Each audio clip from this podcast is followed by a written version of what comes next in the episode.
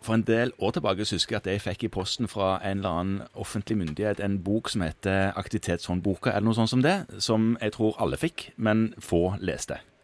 Det var vel et eller annet sånt Ja. sentralt direktiv om at alle skulle trene mer? Ja, og alle, Dette vet man jo, man vet det, men man vet ikke helt hvordan man skal få det til i hverdagen. Og derfor, eh, Vi vet jo litt om trening, Kristian, og liker jo å trene begge to sjøl, men vi kan ikke så veldig mye om det for å få pasienten i gang med det, sånn egentlig. Nei. Så derfor har vi fått hjelp i studio i dag fra kollega Stian Lobben.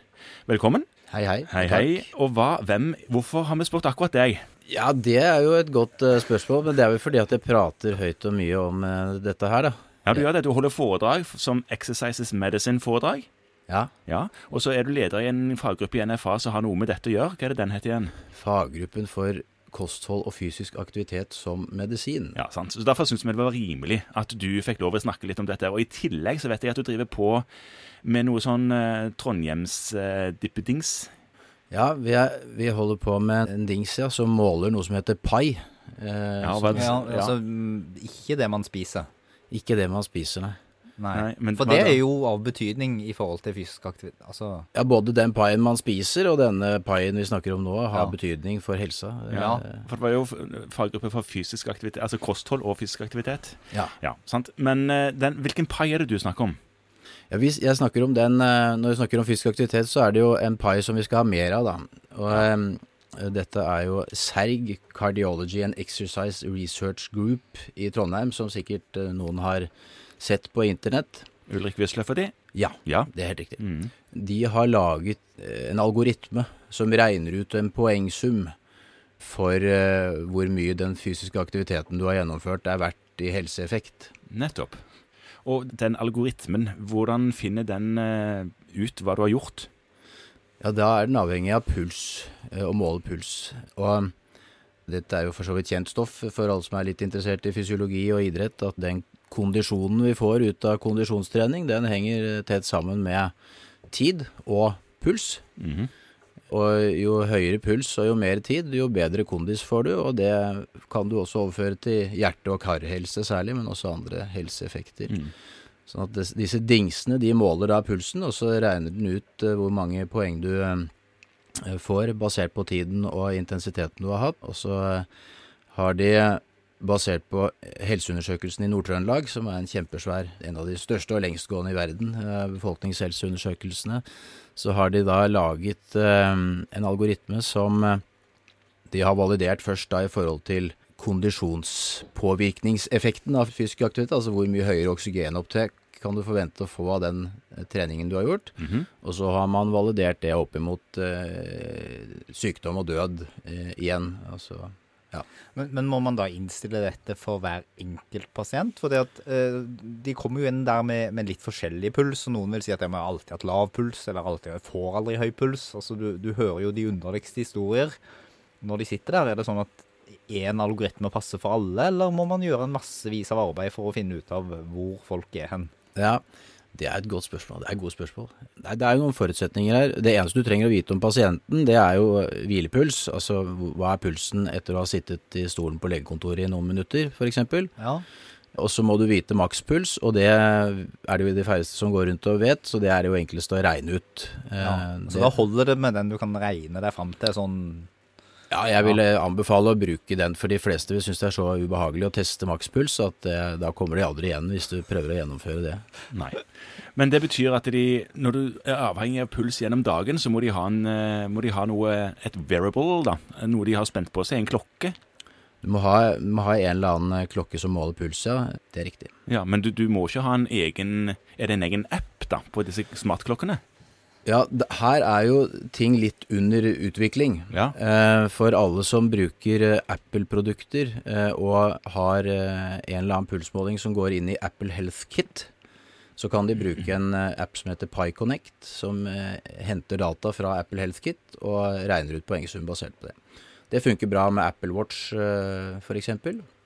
Og så er det de fleste store aktivitetstracker-produsentene har dette eller er på vei til å implementere det i sine dingser. Mhm.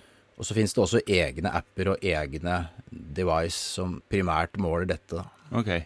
En egen device for Pi, liksom. Ja. En egen pulsmåler. En egen pulsklokke der hvor, eh, som har som hovedhensikt å måle pai og vise pai på håndleddet ditt eh, hele tiden. Ja.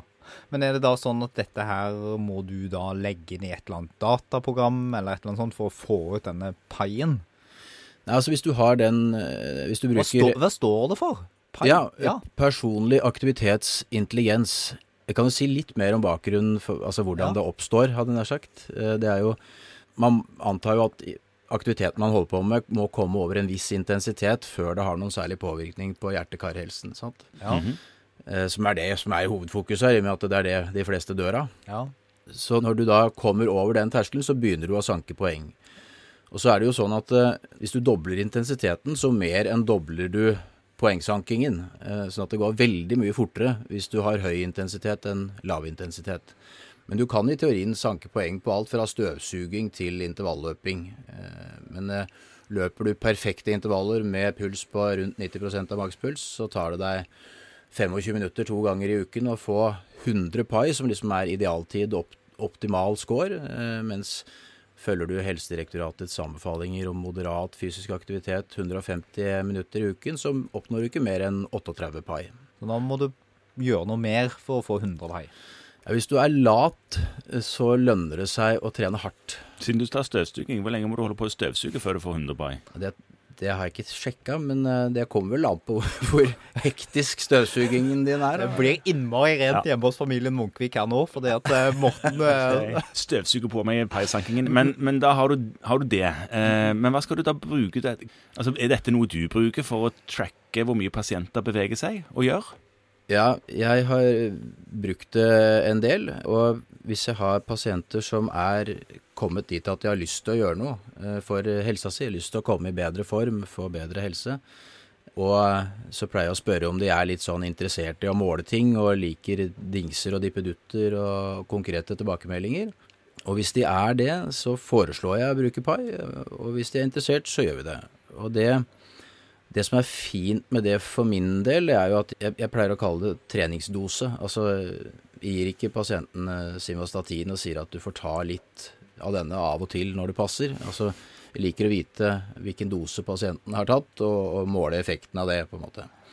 Så det gjør det enklere for meg å vite hva pasienten har gjort, og, og pasientene kan finne ut hvordan det passer best for dem å gjøre dette. Og hvis de er interessert i å gjøre minst mulig og ha mest mulig bang for bucks, så er det jo et eh, genialt konsept. Men kan man få for mye pai, da?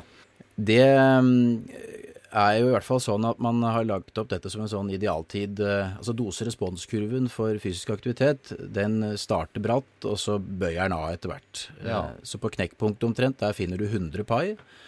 Så hvis du får mer enn 100 pai i uken, så er det ikke vist at det gir noe voldsom tilleggseffekt når det gjelder helsegevinst. Eh, Du får jo bedre kondisjon, men for folk som ikke skal sykle Tour de France, så er det kanskje ikke så viktig å ha veldig høy kondis. Nei, så akkurat så du kan si det at for å få mest mulig helse ut av den fysiske aktiviteten du holder på med, så er 100 pai ideelt. Det er riktig. Men hvis du skal bli i kjempegod form og slå naboen på f.eks. Nordsjørittet, så må man gjerne ha mer enn 100 pai. Da ville jeg lagt meg noe høyere. Ja. Jeg lånte det ut til en, eh, en langrennsløper på høyt nasjonalt nivå en gang, og han lå på rundt 300 pai på de ukene hvor de trente litt hardt. Ja. Men en gammel eh, hjertepasient, kan de òg benytte dette?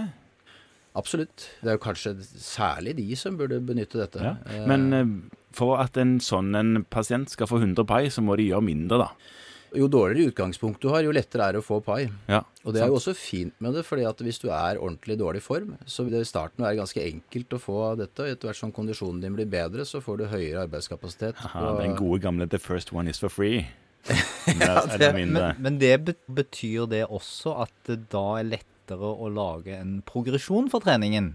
For disse her, eh, fordi noe av det som av og til er problemet, er at du starter vanskelig å lage en progresjon i en treningsplan for mange av disse. Fordi du starter ut på et veldig lavt nivå, og så vet du at det vil bli for lite etter hvert. Og så er det veldig lett å starte på et nivå som er så høyt at de går sliten og blir lei seg allerede etter ca. 14 dager. Og her skisserer du et system som da gir en progresjon av seg selv. Ja, det er, jo, det er jo en av de tingene som er fint, at pasienten velger selv hvilken aktivitet de vil holde på med, og på hvilken intensitet. og Så får de se hvor lang tid det tar, og så kan de justere selv hva de trenger. Og så vil du den absolutte aktivitetsmengden og intensiteten for å få 100 pai vil jo øke etter hvert som du blir i bedre form. Det hørtes jo veldig lurt ut. Hvor, hvor, har du noe program på PC-en din da, som regner ut pai for disse? Nei, Eller eh, er det noe pasienten på en måte har i sin egen app som du kan se? Ja, primært så er det det at de forteller meg eh, Vi er avhengig av litt tillit, da. Eh, Men eh, nå holder vi også på å pilotere en løsning for E-helsedirektoratet, der vi skal få pai direkte inn i elektronisk pasientjournal, sånn som med andre blodprøvesvar og røntgensvar og, og sånne ting. Så gjenstår det å se om det blir noe av, da. Og da har vi en egen webløsning der, vi kan, der jeg kan gå og se på mine travhester, hvordan de ligger an denne uken.